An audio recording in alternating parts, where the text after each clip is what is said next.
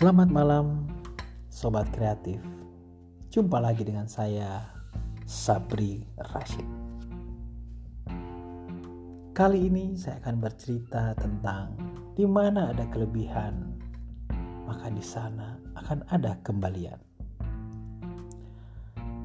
Sebagaimana edisi pertama, saya bercerita sedikit tentang pandemi yang mengajarkan kita banyak hal ada yang mampu bangkit, namun tak sedikit yang terjatuh.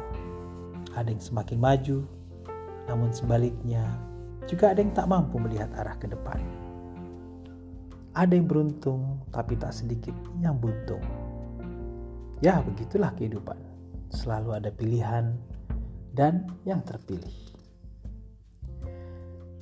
Saya banyak belajar dari sobat UMKM yang mampu bangkit.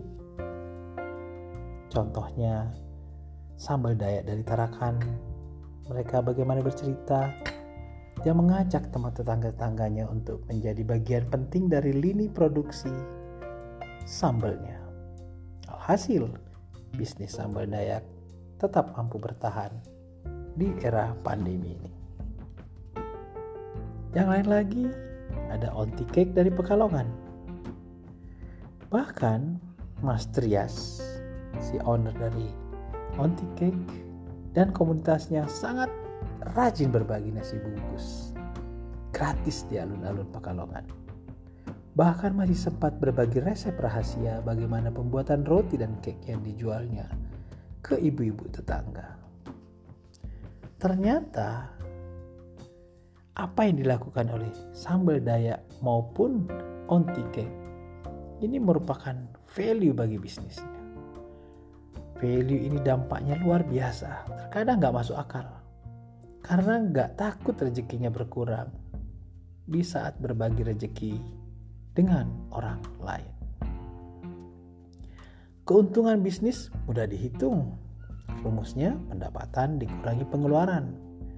Namun soal keberuntungan ini rahasia Tuhan.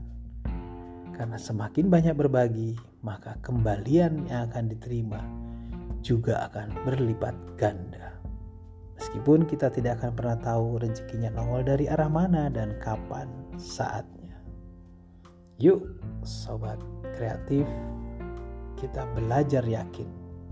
Di mana ada kelebihan, maka di sana akan ada kembalian.